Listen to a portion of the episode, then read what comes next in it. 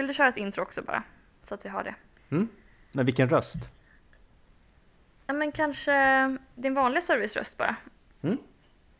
Hej och välkommen till Tusen saker med mig Kim Johansson och Ellen Theander tillsammans med producent Sally Eriksson. Eh, Jag och Ellen har under tre års tid skrivit en lista med tusen saker som vi vill eh, prata om och eh, med hjälp av Sally så drar vi några och pratar om dem i varje program. I det här programmet så är Sally ledig, hon har semester, väldigt välförtjänt, så att det är lite av en mellanpodd där vi frisnackar lite och sen drar några ämnen som Sally har valt ut tidigare till oss. Nu åker vi! nu åker vi.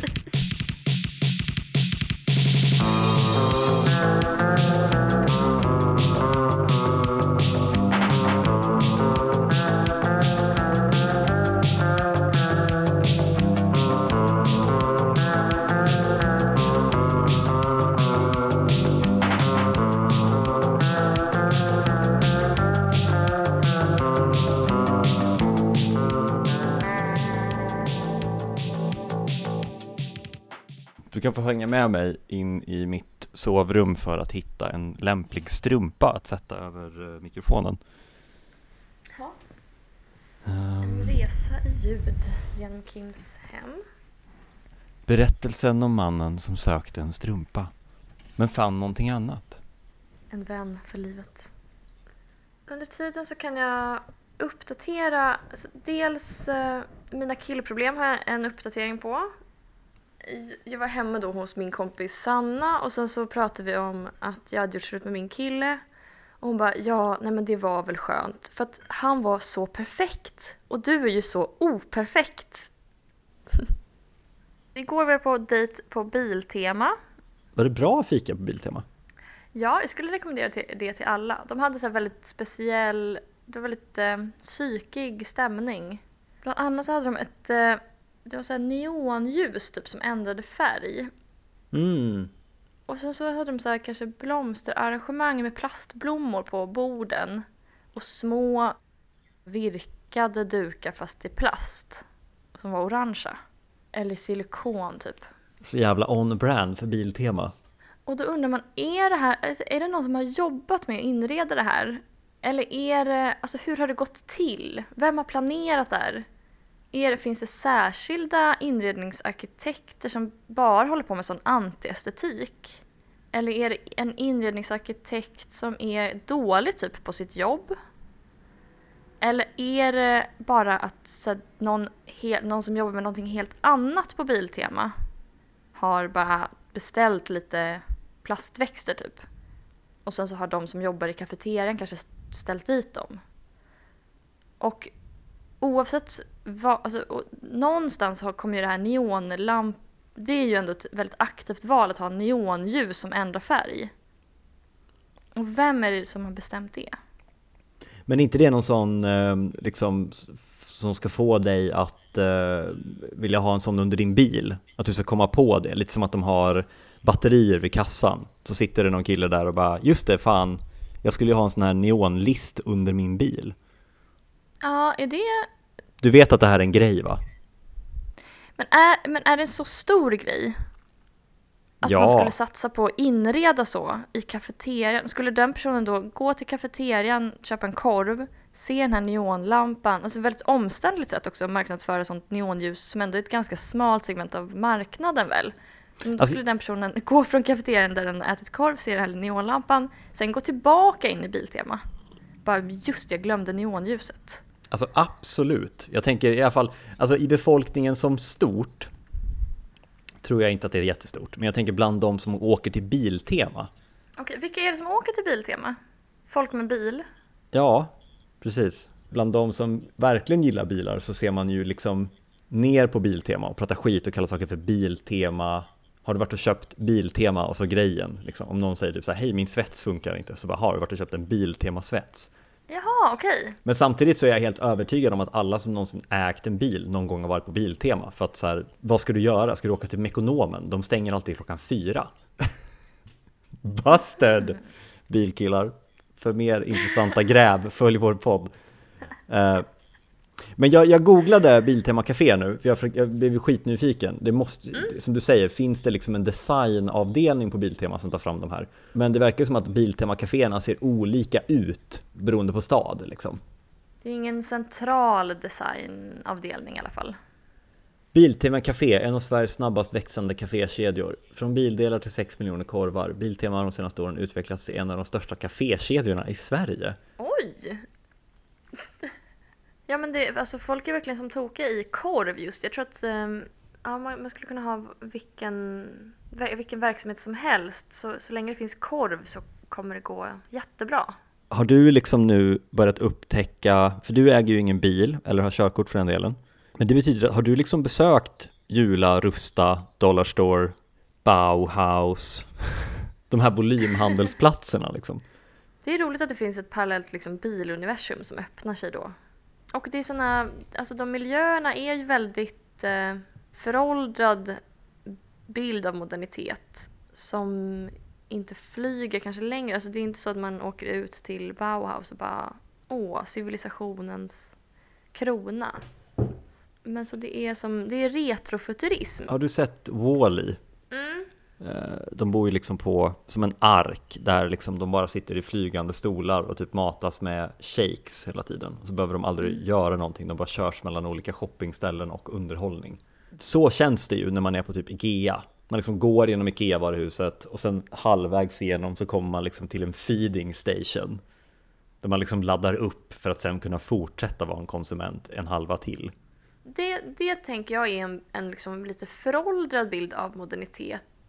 Jag tror inte alls att det är det folk vill. Man vill inte sitta och bli sondmatad i en eh, massagestol typ. Utan man vill gärna göra, alltså jag tror mer på det här som Marx skriver att eh, vara fiskare på förmiddagen och författare på eftermiddagen. Man vill göra saker men det är bara det att man vill göra olika saker och man vill ha sina projekt. Så att problemet är inte att vi gör saker, problemet är bara att, eh, att vi inte får välja vad vi gör. Det kom liksom fram häromdagen när jag och, och Linnea satt och, och fikade och så var det en super liksom, gullig unge och då kallade jag den för älskling och det tyckte Linnea var jätte, jätte obehagligt. Hur känner du inför det? Det är på gränsen till liksom nedvärderande.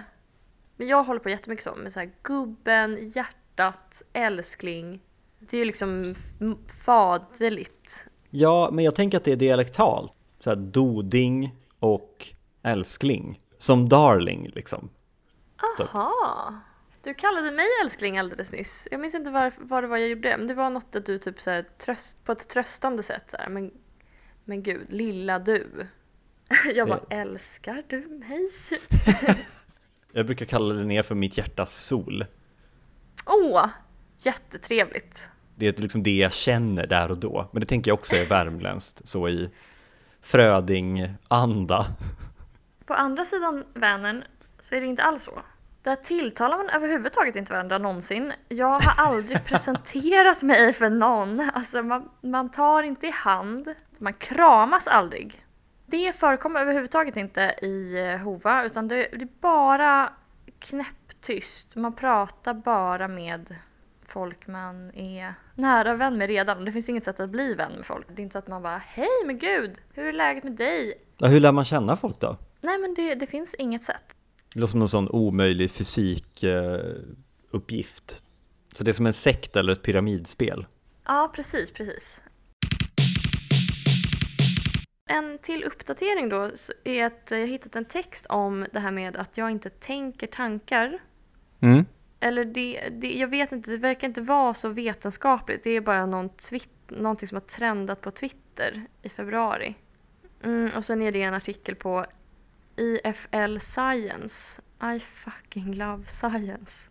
Då är det någon som har skrivit så här. Äh, some people have an internal narrative and some don't. As in, some people's thoughts are like sentences they hear, and some people just have abstract non-verbal thoughts and have to consciously verbalize them.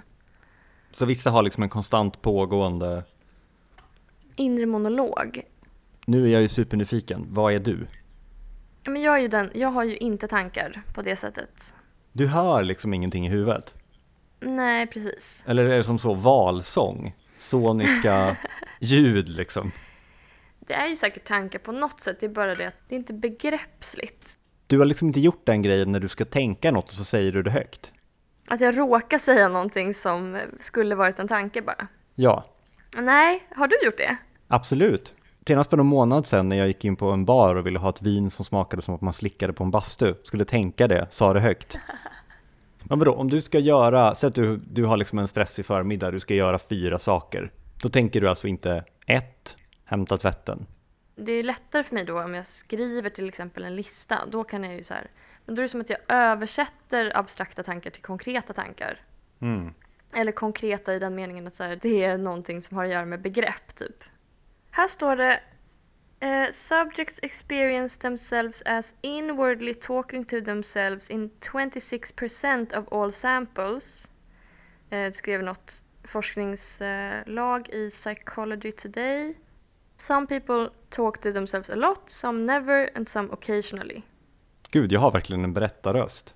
Men det är så speciellt, för det tycker jag är det konstiga. Att, man går runt, att det är någon som går runt och bara tänker i ord. Tyst. Berätta hur det, hur det är. Hur, vad säger din röst? Nej men det är verkligen så här, alltså den är verkligen, tänk dig som att det sitter någon på axeln liksom. Och bara, om jag är stressad så bara, nu är det bråttom, bråttom, bråttom, bråttom, bråttom, nycklar, nycklar, nycklar, nycklar, nycklar. Okej. Det förklarar ju allt. Det förklarar ju verkligen att du har nycklarna med dig, för jag har ju aldrig nycklarna med mig. Det är för att du bara Men vad tänker du när du ska sova då? Tänker du ingenting då? Ingenting, jag somnar på en gång. Det är ändå spännande att du har valt att ta upp den här artikeln från I fucking love science. Känner du till I fucking love science? Nej, men det låter, det låter verkligen vidrigt. Det är ju då en sån här infotainment-sida. Så det var någon, någon kvinnlig forskare som hade den där och bara la upp liksom debankade myter, typ. Och sen har det liksom växt, växt till en sorts grupprunk. Det är liksom det är som vetenskap och folkbildning fast för människor som aldrig har kommit i kontakt med vetenskap och folkbildning. Det är väldigt gott självförtroende då att, tro, att säga att man älskar vetenskap. Som man aldrig läst en vetenskaplig artikel. Det är väl väldigt sällan någon faktiskt älskar vetenskap. Alltså, de flesta älskar ju bara att pauna noobs. Mm. Att det är en sån gammal lyteskomik att liksom alla älskar att se eh, greven snubbla och prutta liksom. Mm. Ja, Jag tycker det är, väl, det är väl fel att älska vetenskap. Man, jag, blir misstänksam att man skulle kunna älska vetenskap. All vetenskap. Det tyder på att man har missförstått vad vetenskap är typ. Jag tycker du, nästa gång någon säger att de älskar vetenskap, då tycker jag du ska säga så här, "Ha, älskar du Vipeholms-experimenten också? Jag har ett försäkringspaket stor då. Eh, jag skrev till mitt försäkringsbolag jag skulle vilja ha en försäkring som täcker att jag tar ut alla mina pengar i kontanter och eh, tänder eld på dem. Eller att en meteor faller in genom taket och förstör alla mina ägodelar. Du har liksom the whole shebang. Du har en egen handläggare som bara sitter och väntar. Ja, men det är ju en Emil Jensen-text här för mig, eller om det bara är en, så här, ett mellansnack han har. Att så här, hans försäkringsbolag hör av sig till honom och bara Vet du att du tillhör den procent av befolkningen som står för 99% av våra utgifter, typ. Det, det, finns, det finns liksom en procent av alla försäkrade som står för liksom alla försäkringskostnader som det bara alltid går dåligt för. Jag, jag tillhör ju då the 99%. Jag har i princip haft två försäkringsärenden eller något sånt där. Annars är jag en sån som har två av allt ifall något skulle gå sönder eller tappas bort liksom. En dubbel uppsättning av allt. Du är den enda delen av mitt liv som fungerar skulle jag säga. Eller du, du är den som får allting att funka typ. Att du bara, men vet du vad, då löser jag det. Jag skickar ett par hörlurar till dig. Eh, jag beställer en mikrofon åt dig. Men jag tänker att det är den relationen så här, vi i the 99% har till the 1% liksom. Och att vi, anledningen till att vi inte har rest oss upp och gör revolution mot de virriga, typ, är väl jag vet inte, borde vi vara arga på de virriga? Eller borde vi bara ja, liksom men det är vara... det jag tänker. Du måste ju, vara, du måste ju liksom bli fly förbannad. Men det, vi är också så få. Alltså vi är bara en procent då. Men jag tänker så här, kan det inte vara så att alltså vi i de 99 procenten tolererar ni i de 1 procentens leverne för att ni får oss på något sätt att känna att vi har rätt och att vi behövs. För att så här, jag har ju två av allt, men jag behöver ju aldrig använda den andra, liksom, eftersom jag aldrig tappar någonting eller har sönder något. Liksom. För att jag så maniskt oljar in mina träbänkar och smörjer mina lädersaker och liksom tvättar mina airpods, typ. För att de inte ska liksom sätta igen med smuts. Så att Ja, när det väl är så att jag, att liksom när någon av mina extra saker behövs, då är det alltid en one percenter som behöver dem. Och då känner jag mig så här, fan, det är bra att jag fixar det där, liksom. ja. Och det är ju bra, du har ju rätt också.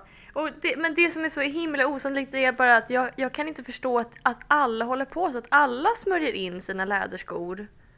Jag känner liksom att jag ska, jag vill nominera alla er, ni- 99% av befolkningen, till Svenska hjältegalan.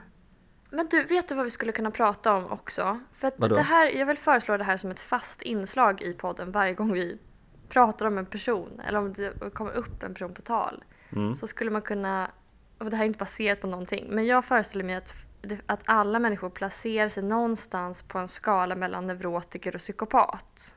Och att det är en eh, binär skala som liksom har att göra med typ hur man uppfattar sakers värde. Och att här, om du är neurotiker så har du en lite, alltså det innebär att här, du överskattar sakers värde. Och att vara en psykopat det betyder att du underskattar sakers värde. Mm. Om man har typ två högar framför sig med saker som man, man ska sortera allting i två högar med oviktigt och, och viktigt. Mm.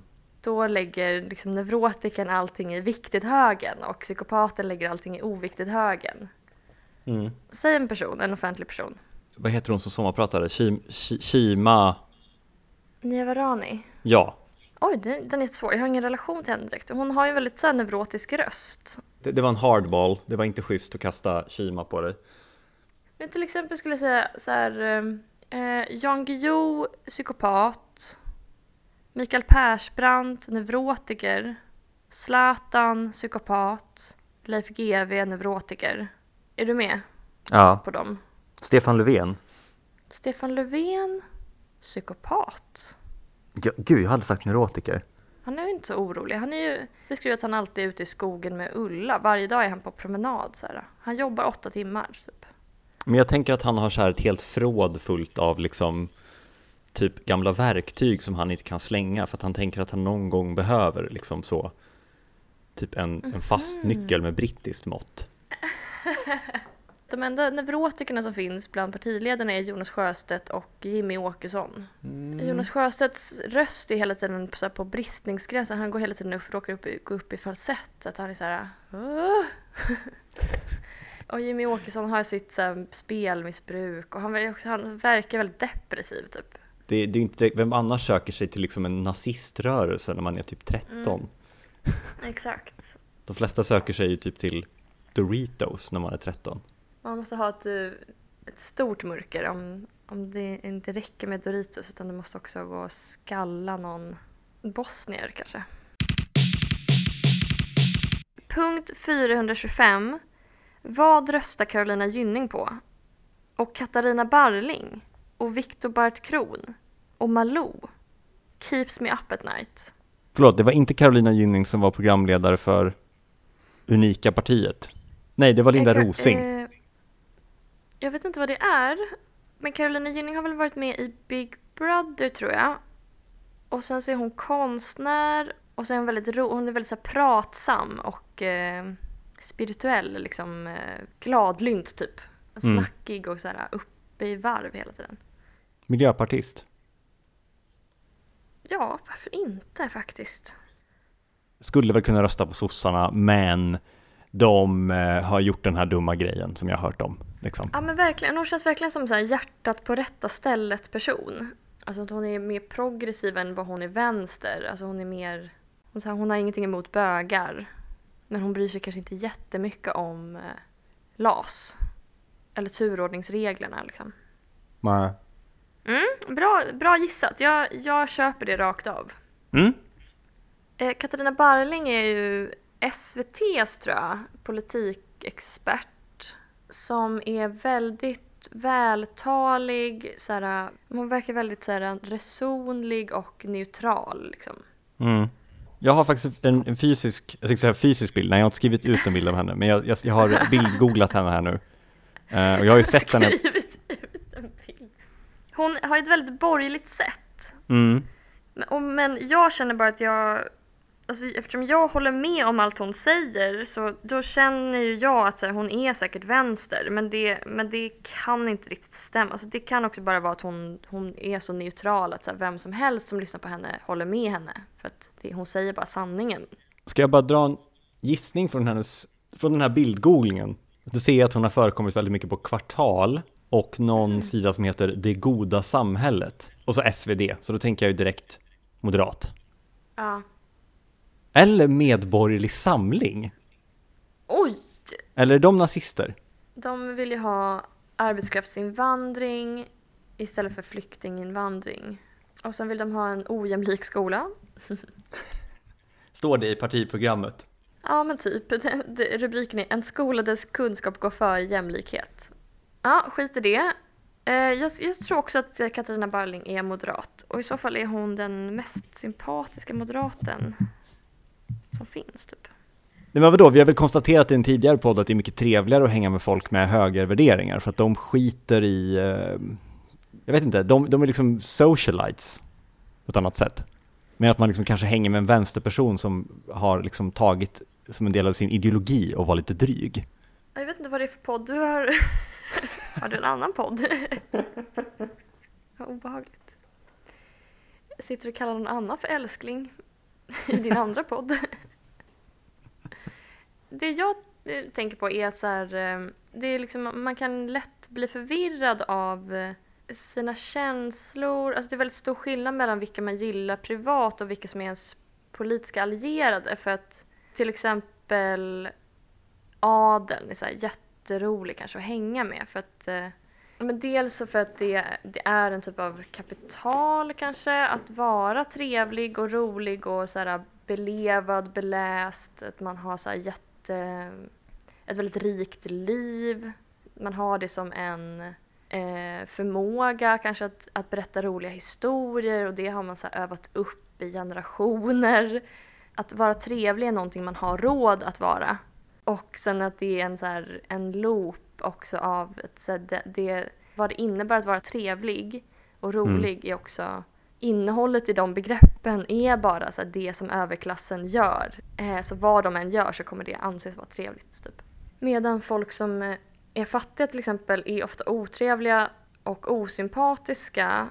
Och så här, men till exempel så kanske det är fattiga som är våldsamma ofta. Som kanske drar kniv. man är mer stressad, man mår sämre man eh, har inte tid att vara trevlig. Man måste så här, ja, men spela fult, alltså på ett annat sätt för att ta sig fram. Man måste så här, kanske hastla. Så en undersköterska som har jobbat 16 timmar är liksom by blir by nature otrevligare att hänga med då än någon som har liksom loggat in på sin internetbank och bara kollat avkastningen på fonden. Ja, men precis, precis. Man är en solstråle som bara verkligen har råd att sitta och underhålla någon på en middag och så här. Jag gillar ju dig, men det är, inte, det är inte dig jag vill ge makt och pengar. Är jag på deflist när revolutionen kommer? Ja, det är väl jag också. Jag kan ofta känna så här, jag är beredd att göra vad som helst för att eh, du ska komma till makten. Men jag hatar dig privat. Ta alla mina pengar, bara, jag vill bara inte prata med dig. Uh, nu har jag tappat bort, vilka var de andra? Viktor Bart Kron. Ja. Han är väl liberal, tror jag. Men jag vet han... inte, för han, han är också sådär neutral och man håller med om allt. Sådär. Han berättar på ett roligt och neutralt sätt om politik. Alltså han driver ju asmycket med folkpartister, så jag tänker att han är folkpartist. Ja, okej. Okay, ja. Han har ju varit med i Pengar och politik. Och då så, han låter ju ganska vänster då när han pratar med dem. Jo, men han låter ju ganska höger när han var på, var, jobbade för Kvartal. Han är djurgårdare också. Och han heter ju Bart Kron. Om man tycker om honom jättemycket. Ja, Ergo, han kan inte vara vänster. nej, precis. Han är för älskvärd för att vara vänster. Vad röstar Malou på då? Men jag tänker också att hon är, eh, röstar på Moderaterna. Ja, det tror jag också. Hon är, verkar ju vara så eh, vä- väldigt intresserad av mikro... Hon är väldigt ointresserad av all, alla typer av större frågor. Ja men gud ja, det är Sveriges liksom epicentrum för den lilla människans berättelser liksom. Ja, Det är verkligen den här, det här narrativet som man pratar om med en människa som besegrade cancern. Och bara haha, fuck you cancer. Att det inte så handlar om liksom eh, regionala fördelningar av stöd till sjukvården eller liksom tidigare socioekonomiska faktorer som har påverkat ens liksom allmänna hälsa eller utan det bara är så liksom Fan du mötte cancer på en gata och slog ner dem med egen råstyrka, hur känns det? Mötte cancern i en mörk gränd. Det andra stödet jag har för att hon är moderat är för att jag har indirekt hört att hennes syster, tror jag, äger en bil med automatlåda. Och det tänker jag är borgerligt. Okej, ja. En, end of analys.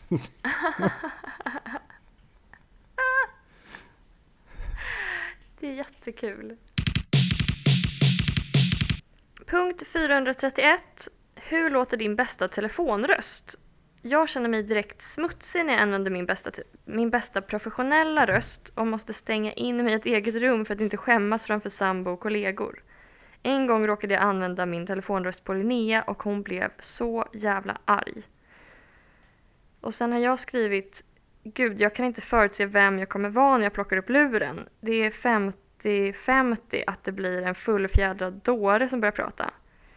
Får även kritik ofta för att det är som att prata med en dator att prata med mig. Eh, även hata folk som har en serviceröst, förlåt. Ring, ring. Välkommen till Filmbyrå, du pratar med Kim. Ja, hejsan, jag heter Ellen Theander. Jag ringer från Resevaluta på Dagabrunnsgatan. Hallå? Det är nämligen så att vi har väldigt bra växelkurser just nu på eh, dollar. Är det något du är intresserad av att eh, köpa? Nej, jag betalar mest med eh, Mastercard när jag är utomlands. Eh, Jag känner att jag får en bättre växelkurs på det sättet. Hur har du det med eh, yuan? Nej, inget behov av att lämna landet de kommande åren förmodligen. Då får jag tacka dig så mycket. Då säger vi så. Tack för att du ringde. Jag gör ju också alltid folk förvirrade genom att vara så disträ. Alltså att jag fattar aldrig riktigt vad det är som pågår. Alltså när jag ska gå och handla typ på kiosken så bara är det som att jag... Ja men det är på så här otroligt jobb jag har att göra med. Jag bara... Halli hallå! Hej på dig! Jo, jag undrar eh, vad är skillnaden mellan mentol och, och mint? Så är det hela tiden så att jag bara, ja men för jag är nämligen lite sugen på tuggummi. Du går och handlar som någon i en Monty Python-sketch. ja. Eller en sån gammal Lindemann-sketch. Jo, det var så att jag är lite sugen på en morot. Jag tyckte väldigt länge att det var väldigt, väldigt jobbigt att ringa och beställa mat. Det är som att ingen restaurang i, i Sverige har en vettig telefonlina, utan alla har någon sån gammal vevtelefon som står bredvid liksom en köksfläkt, typ. Och så säger de aldrig restaurangens namn, utan det är alltid bara ja. Ja, precis. Men det är också så himla tydligt att man stör dem. De är verkligen mitt uppe i, alltså äggen liksom bränns vid under samtalet. Ja, och, det, och jag liksom hade den inställningen förut, så jag, kunde, jag ringde förut bara och sa liksom calzone, typ hej calzone. Jag tänkte att jag skulle vara effektiv och så de kunde komma tillbaka, men då kunde jag ibland få bara va? Vad vill du? Typ. Nej, okej. Det är faktiskt lite speciellt. Ja. För jag skulle säga att du gör dem en tjänst. Genom att säga bara calzone. Jag trodde ju Och sen det. lägga på, slänga på luren. Men så är jag i alla fall i, i kontakt med professionella personer. Då börjar jag liksom genast diskutera så här, äh, livet och kärleken liksom, med dem. Men sen så om det är en kompis som ringer mig så är jag, då är jag liksom tvärtom, att jag blir en dator. Att jag bara, ja hej, vad hade du på hjärtat? Klockan fyra, passade det dig? Men det där är ju nästan lite härligt. Alltså, jag brukar, jag har bett mina kompisar, för alla vi har ju jobbkalendrar nu, ibland att skicka kallelser när vi har bestämt att vi ska ses. väldigt Kim culture. Men för du ringer ju mig eh, bara för att... Och det är väldigt konstigt att det är just mig du ringer för att jag är så himla dålig på att prata ju. Men det, det är så här soundtrack of my life att eh, att det är ljudet av att du ringer hela tiden. Under min examen ringer du. Min mormors begravning så ringer du. Min första kyss så ringer du. Min hund är borta, du ringer. Men alltså, när vi pratar om telefoner, kan jag få ta upp en grej som vi inte har skrivit på en av punkterna? Mm. Jag, jag behöver nämligen göra ett public statement. Scenen är din. Så här ligger det till. Det finns några ringsignaler som är godkända att ha. Och det är inte många. De allra flesta ringsignalerna är tokförbjudna och finns bara som valbara på telefonen för att kolla om du är ett psycho eller inte. De allra flesta har ju inte ringsignalen på. Men ibland har ju folk det. Och då har de liksom bara ljudföroreningar. Eller skojiga ringsignaler. Jag hade en kollega som hade alltså ett sånt här polisanropsljud som dånade ut i vårt kontorslandskap och lät som en sån polisradio liksom. Och då betyder alltså det att han har hittat den här, laddat ner den, konverterat den till ringsignalsformat, kopplat in sin telefon i datorn, fört in den i iTunes och sen från iTunes fört in den i sin telefon och sen gått in och valt den i telefonen. För att han hatar sin omgivning så mycket. Ja, ja, då har man problem ja. Det är riktigt sjukt att ha hundskallet. Gammal biltuta, gud vad hemskt. Anka, det är nackskott. Du råkade använda din telefonröst på Linnea. Ja, ja det var ju, hon ringde mig på jobbet precis när jag hade haft ett kundmöte. Så jag svarade, hej? Ja men absolut, jag tror jag kommer hem runt eh, femsnåret ungefär, så då ses vi då. Ja, det förstår jag. Man blir rasande. Får jag bara fråga, tror, byter du röst? Du byter inte röst beroende på om du pratar med en kvinna eller man va? Jo, det gör jag nog. Jag har en viss röst för eh, män i traditionella mansyrken. Och det är att jag brer på dialekten lite och pratar lite slängigare. Jag kan göra avan till podden med den rösten. Då gör vi så här att du har lyssnat på tusen saker och du hittar oss där poddar finns. Då säger vi så, ha det gött, hej!